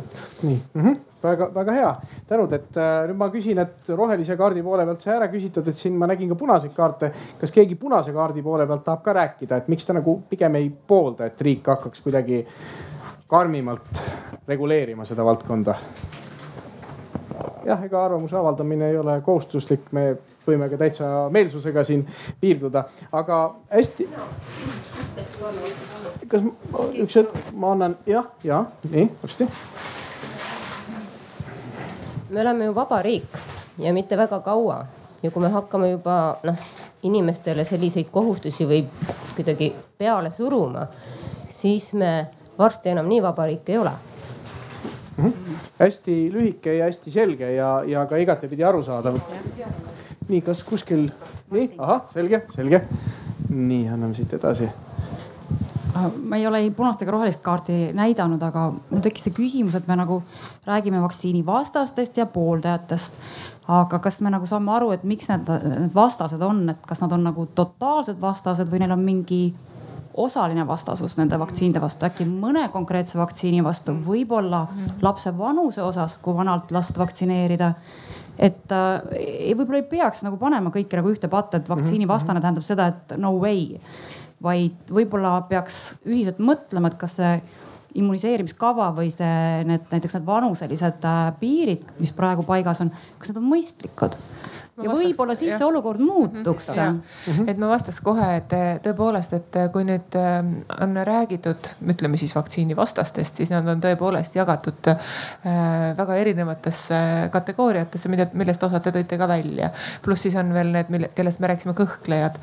ja, ja noh, ja mis on ka, mida ma juba enne tahtsin ka öelda, et mis siit ei ole võib-olla läbi käinud. et kuidas meil üldse see immuniseerimiskava tekib, et tihtipeale ma ikkagi ka seletan seda nendele samadele kõhklejatele ja, ja kõigile teistele. et meil on olemas äh, immuniseerimise ekspertkomisjon, et või immunopro-, noh, ühesõnaga see on keerulisem nimetus. aga on äh, üks, üks äh, hulk teadlasi ja arste, noh väga erinevatelt aladelt inimesi, kes on oma ala tipud Eestis ja, ja igal pool. et äh, ütleme ja Aleksander tahab näidata, mul on põlve peal sinikas, ma kukkusin jalgrattaga. ja ära, ära, ära kõigile näita, ma ei taha teistele näidata. ja, aga ühesõnaga, et, et need inimesed mõtlevad, nad tutvuvad teadustöödega, tutvuvad Eesti epidemioloogilise olukorraga, ühesõnaga nad arvestavad ja see immuno, see immuniseerimiskava, mis meil on, see on loodud nagu rätsepatööna Eesti inimestele. ja kindlasti ei ole see vanus nagu selles mõttes, et liiga vara, tihti on see argument, vaid mina ikkagi ütlen seda, et väike laps, mida väiksem ta on, seda rohkem ta kaitset vajabki ja vaktsiin on kaitse, see ei ole koormus organismile, vaid see on kaitse mm. -hmm. et, et nagu, kui me neid asju mõtleme, siis, siis tegelikult enamasti noh ikkagi otsustatakse ka vaktsineerimise kasuks, ütleme need, kes usu, usaldavad arsti. lühike repliik siis. Äh, väikse repliigina, kuna ma sinna äh, niinimetatud komisjoni kuulun ja ma tahaks vastata sellele härrale, kes seal ütles ka, et kas me ikka teaduspõhiselt, me läheneme teaduspõhiselt. jah, just mul on siin veel mõned tuttavad. tahan siis öelda seda, et see on hästi põhjalik arutelu ja seal ei saa umbes nii, mina tahan, sina ei taha või nendel on ja meil ei ole.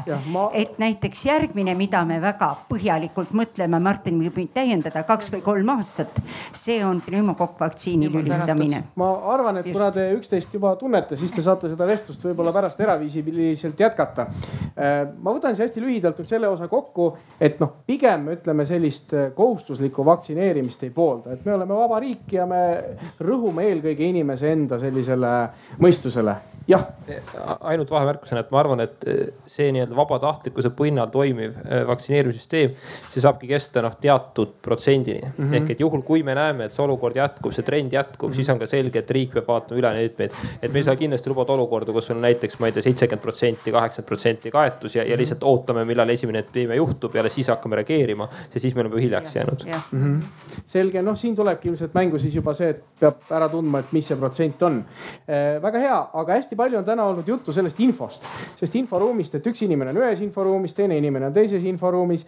et äh, ei ole piisavalt infot, siis on äh, palju infot, valeinfot, eks ole. et ma küsiks nüüd teie käest jällegi rohelise ja punase, punase kaardiga, et kes arvab, et tegelikult see teavitustöö, mis riik teeb, näiteks äh, nüüd nakkushaiguste, äh, nakkushaiguste tõrje, vaktsineerimise teemal, et see on piisav, et kes arvab, et ta on saanud näiteks alati piisavalt infot, kui ta on seda vajanud, see võib tõsta rohelise ja see, kes arvab, et meie töös, riigi töös on noh, ütleme siis nii vajakajäämisi ja arengukohti, et siis see võiks siis tõsta punase. et nii, et hääletame. Mm -hmm. no siin on ja siin ma saan aru, et on nii ja naa oh.. ah, teil lihtsalt pole kaarti jah? selge, selge, aitäh. et, et nüüd ma, nüüd ma saan aru, et siin on tegelikult on nagu mõlemaid, et, et noh, need, kes ütlevad, et, et on roheline siis see on hästi ja sealt võib-olla ei olegi vaja küsida, sellepärast et järelikult on kõik hästi. aga äh, jah, ma lõpet-, ma lõpetan enda mõtte ära, aga et me kindlasti küsime, küsime siis äh, arvamust punastelt. Teie olite muuseas punane või roheline? mina olin roheline. Aa, roheline, selge, aga hästi kiiresti mis teid? Äh, kiiresti ütlen seda, et ma mäletan äh, keskkooli ühiskonnaõpetuse tunnis seda esimest lauset, et teadmatus ei vabasta teid vastutusest. ja, ja, ja tegelikkuses ma võiks ütelda, et, et äh, tänapäeval no nii alates doktor mm -hmm. Google'ist, eks ju, ja kõigest muust ikka sellise informatsiooni kättesaamine mm -hmm. ja riiklikul tasandil on tehtud metsik töö. kuna mul on kaks last, üks on kolmkümmend viis ja teine on neliteist, siis on täpselt see vahe, kus ma võiks ütelda, kuidas see töö on muutunud. Ja see töö, mida täna riik teeb alates lasteaedadest eh, kuni siis eh, kooli lõpetamiseni, ongi just see tee, mida, mida, me oleme oodanud. Et meil on peale kasvamas, eh, meil on uus riik põhimõtteliselt ja meil on kasvamas uus põlvkond, keda on ikkagi väga hästi koolitatud mm. -hmm. nii jah, aitäh, ma kohe vaatan, et äkki saab selle kellelegi edasi anda. meid kindlasti väga huvitaks, huvitaks nüüd jah, kellegi, kes punast kaarti näitas arvamus minu meelest on need inforuumid väga segamini, et asi algab juba kasvõi isegi avalik-õiguslikud kanalid raadiost, tervisesaadete all me võime sageli kuulata hoopis alternatiivmeditsiinist. keskmine inimene ei, ei suuda vahet teha. Lähme poodi, äh, tervisekirjanduse all on samamoodi alternatiiv, et meil võiks olla juba riiklikult soovitatud ilmselt mm, -hmm. et teatud teemad tuleb hoida lahus on Aha. olemas, on olemas meditsiin, on olemas meditsiini alternatiiv. ehk siis siin põhimõtteliselt ei ole küsimus selles, et riik nagu pakuks enda poolt vähe, vaid ikkagi probleem on pigem selles, et seda muud kraami on rohkem, saan ma õigesti aru?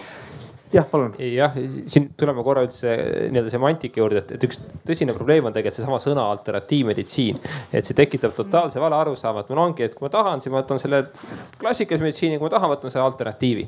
et noh, tegelikult mulle enda meeldib sõna nagu libaravi või ebaravi või mis annab ikka selge sõnumi, et noh, tegelikult see ei ole ravi, see ei ole meditsiin, see on, see on kellegi inimese isiklik hoiak, arvamus, emotsioon, tihtipeale raha tegemise viis, eks ole. et tal ei ole meditsiiniga suhteliselt noh, vähe pistmist. aga seda, et, et riigi teavitustöös on puudujääke, no ma oleks ka punast pannud, ütlen ausalt kohe mm. -hmm. et ma olen ka vaadanud neid lehti, eks ma ei hakka ühtegi välja tooma, aga ma võrdlen meelega just niimoodi, et noh, võttes ennast nii-öelda keskmise infotarbija rolli, kumba mul on lihtsam mm -hmm. vaadata. kas sedasama, eks ole, vaktsiini pooldajad või vastaste lehte.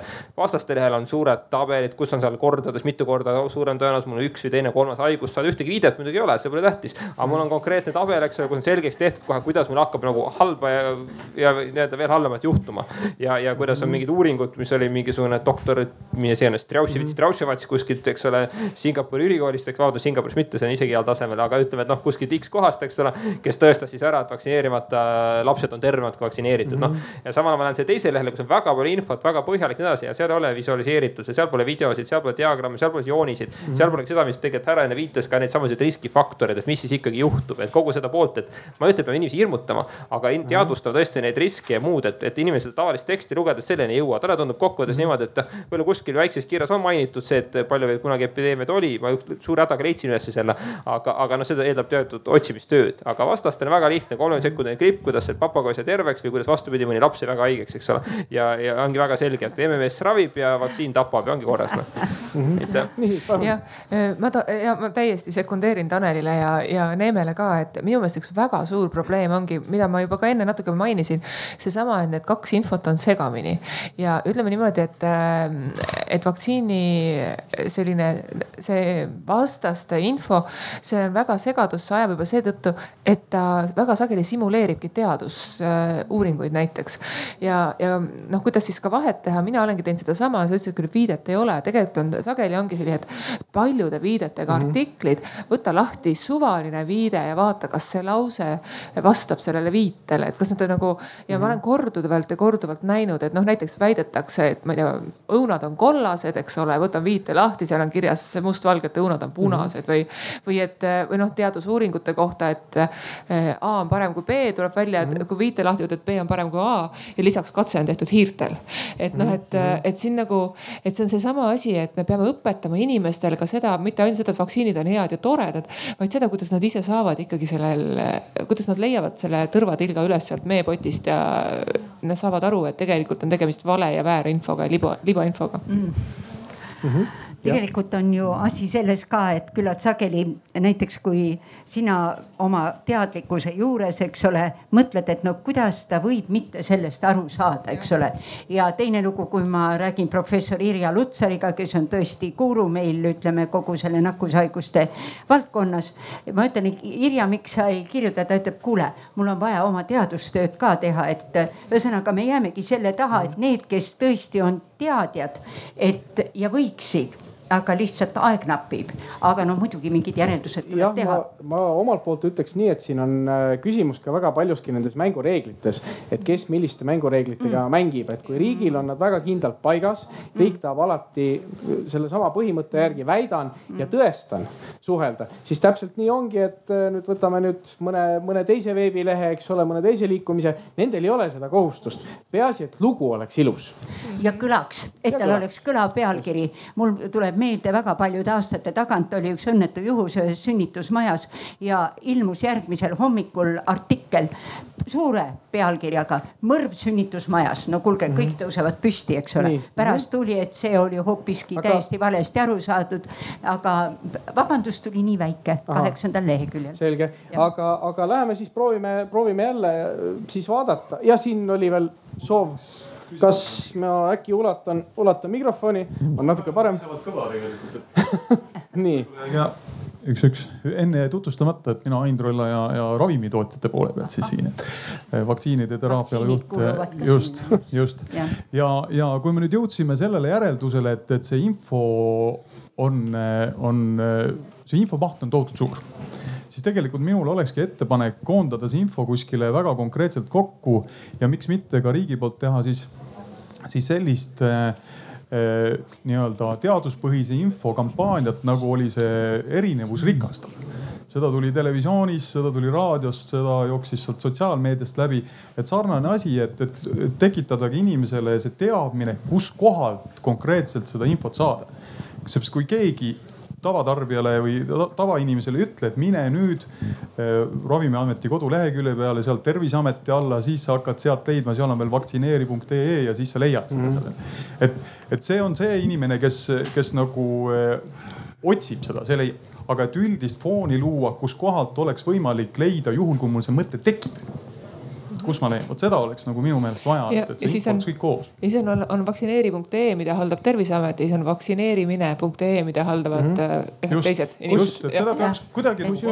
seguneb väga kergesti. kus, kusjuures siin ma nüüd lähengi, lähengi nüüd selle teemaga natukene edasi. nii, aitäh ja, ja küsin, et äh, tegelikult, kui me nüüd leiame, et see info üleküllus on probleem, et kas peaks kuidagi näiteks siis piirama mingisugust infot, ütlemegi, et äh, riik kehtestab teatud reeglid ja näiteks seesama vaktsineerimine.ee, et see muutub näiteks kuidagi noh, mitte lubatuks, ütleme siis nii.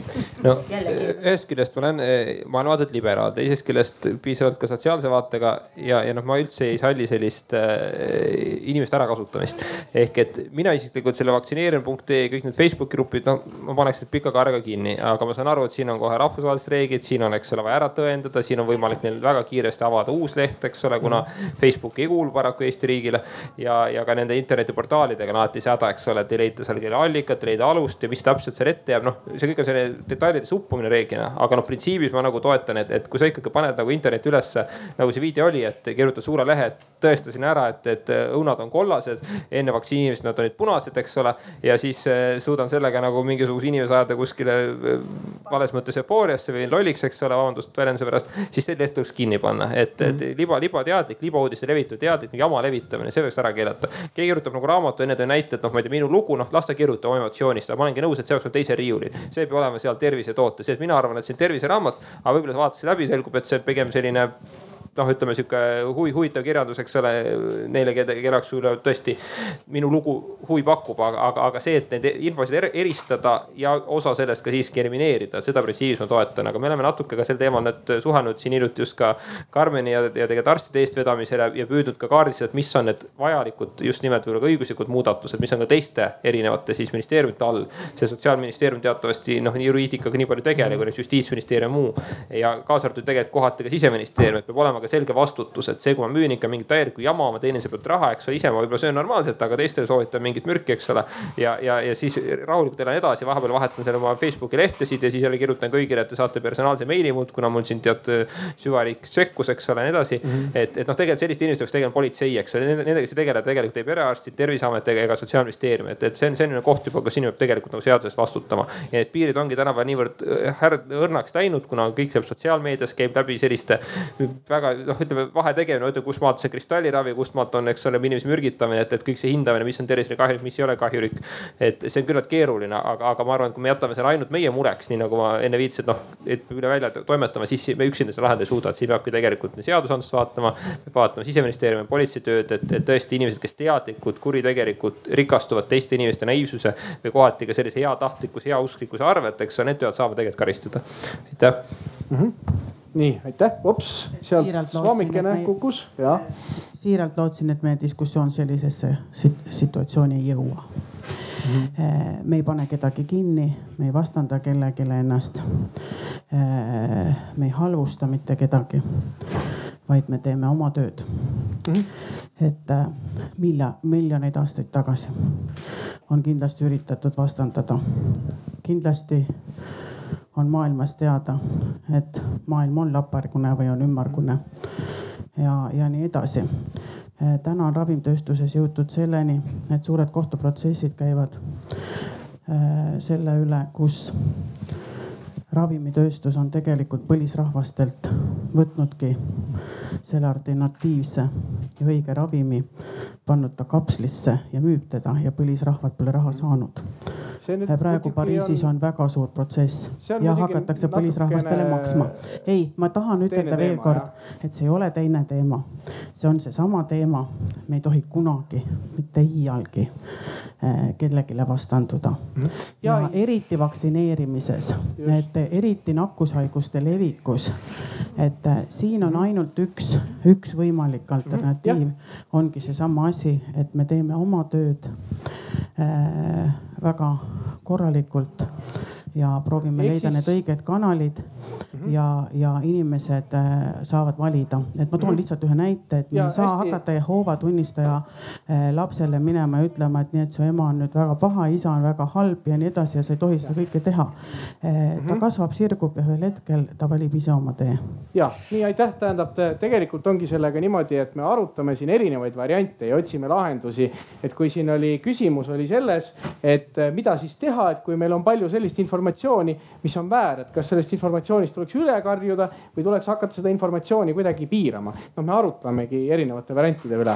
et jah, kas veel? ma ikkagi vastaks, et, et väga selgelt me rääkinud siin, eks ole, Jehoova tunnistajad või nendest inimestest, kes oma lapsi soovivad mitte vaktsineerida, on täiesti erinev mm -hmm. asi. ma räägin inimestest, kes kuritegelikult, teadlikult levitavad valeinfot, teenivad selle pealt raha, tekitades teiste tervisekahjusid ja öelda, et neile ei tohi vastanduda või nendele ei tule reageerida. ma ütlesingi, et nendega peab tegelema mitte sotsiaalministeerium, vaid siseministeerium ja erinevad üksused. selleks on meil meil Politsei- ja Piirivalveamet, selleks meil on erinevad seadused Eesti riigis, et neid täidetakse, et nende järgimist jälgitakse. mitte niimoodi, et eh, me loeme kuskilt, et kellegi laps on saanud eluaegseid traumasid ja muud, eks ole. ja siis tagantjärgi ütleme, et aga vastanduda ei tohi, et noh, midagi teha ei ole, usku soovitust, et, et inimene, inimene kannatanu siin antud juhul on pigem see nii-öelda vaktsiinist loobuja või siis selle teenuse ostja. ma teda mhm. mingil määral ei või karista, ma soovin karistada neid inimesi, kes teadlikult müüvad mürki ja teenivad selle pealt raha. jah, ma olen sada protsenti Taneliga nõus. siin on, siin ma veel korra ütlen ka, et ja. nüüd enne kui me läheme kokkuvõtete juurde mm, -hmm. viimane repliik ja. ja siis võtame kokku. et, äh, et äh, noh, mina olin ka väga kaua arvamusel, et vaktsiinivastased, nad lihtsalt ei tea ja, ja noh, e, või nad on valele teele juhitud või nad usuvad midagi muud ja nad tahavad looduslikud olla.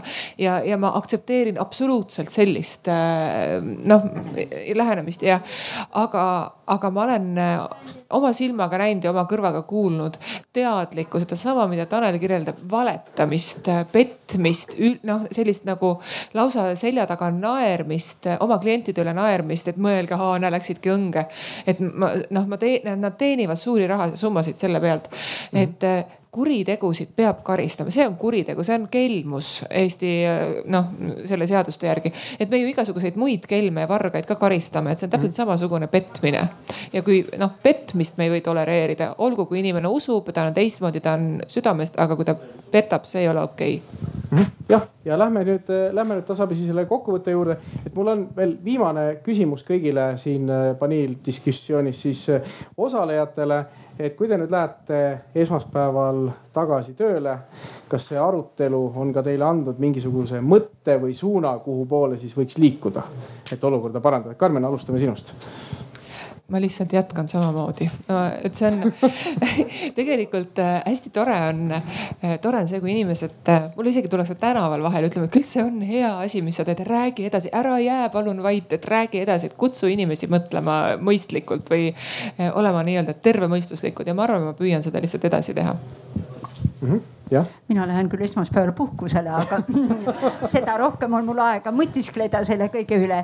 ja ma mõtlen ka, et see igapäevane teavitustöö, ükskõik kellega ma kokku puutun ja kellega tuleb mhm. terviseküsimused ja tervise ja tervishoiu küsimused kõne alla, siis kindlasti püüan äh, võimalikult palju selgitada, sellepärast et seda nii-öelda meie silmis pimedat põldu on veel küllalt-küllalt palju mm. -hmm. nii, Martin. ma sa ei andnud küll mulle sõna siin viimases arutelus. kas ma jätsin sind tõesti vahele? ei, las ta nüüd olla. ilmselt kärbes eksitas mind, vabandust sellepärast, et äh, mul oligi nagu, minu mõte oligi nüüd nagu selle sinu kokkuvõttega sobib hästi kokku, et äh, et äh, mina näen, et meil ei ole mõtet nagu vaktsineerimisvastasusega infosõtta minna. sest see saab olema sõda, kus saab olema palju manöövreid, keerulisi lahinguid ja ma ei ole kindel, et me selle võidame, sellepärast et täna, tänane infoühiskond on nii dünaamiline, nii kiire, et me, meil ei ole seda ressurssi, et seda sammu pidada. ma pigem toetan seda, et meil on oma nii-öelda agenda ja me teeme seda kommunikatsiooni väga atraktiivsel moel, niimoodi, et inimesed tahavad meid kuulda, inimesed tahavad meid lugeda. inimesed äh, veenduvad selles, et mida me oleme kirjutanud, on, äh, on tõesti nii. ja, ja pigem, pigem nagu võtan sellest mõttest kinni, et inimesi tuleb aidata õigele teele, sest et tõesti täna see info gigade rägastik on lihtsalt nii suur et mina lapsevanemana tavalise inimesena ma lihtsalt ei suuda nagu orienteeruda selles mm. -hmm. Tanel, ega sa ei puhka esmaspäevast? ei puhka, ma juba see nädal, see suvi juba peaaegu kaheksa päeva puhkasin, nii et enam kui küllalt.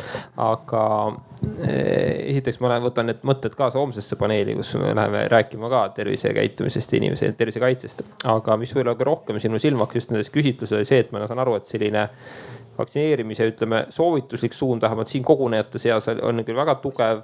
ka ollakse valmis rääkima, arutlema kohustusliku üle.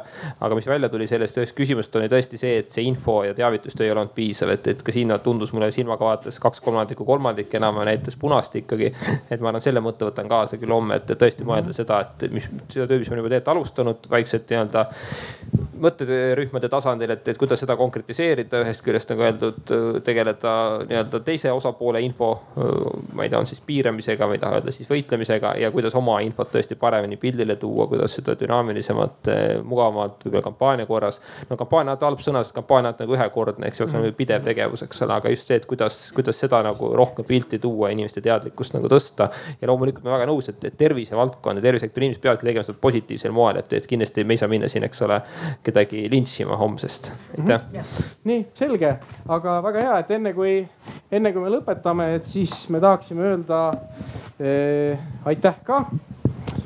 nii, et Karmen, aitäh tulemast, see on siis selline.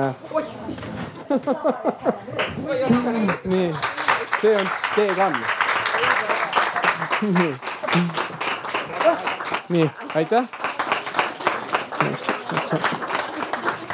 nii, Martti, ma eeldan, et sul seda ei ole. see on Terviseameti meene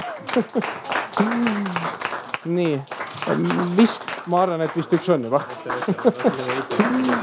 nii, aitäh, aitäh kõigile tulemast, kuulamast, arutlemast. et homme on siis meil siin tervisealal terviseametil ka teine arutelu ja see keskendub siis nõnda-öelda ebaravile. ehk selline suur filosoofiline küsimus, mis natukene haakub ka selle tänase aruteluga.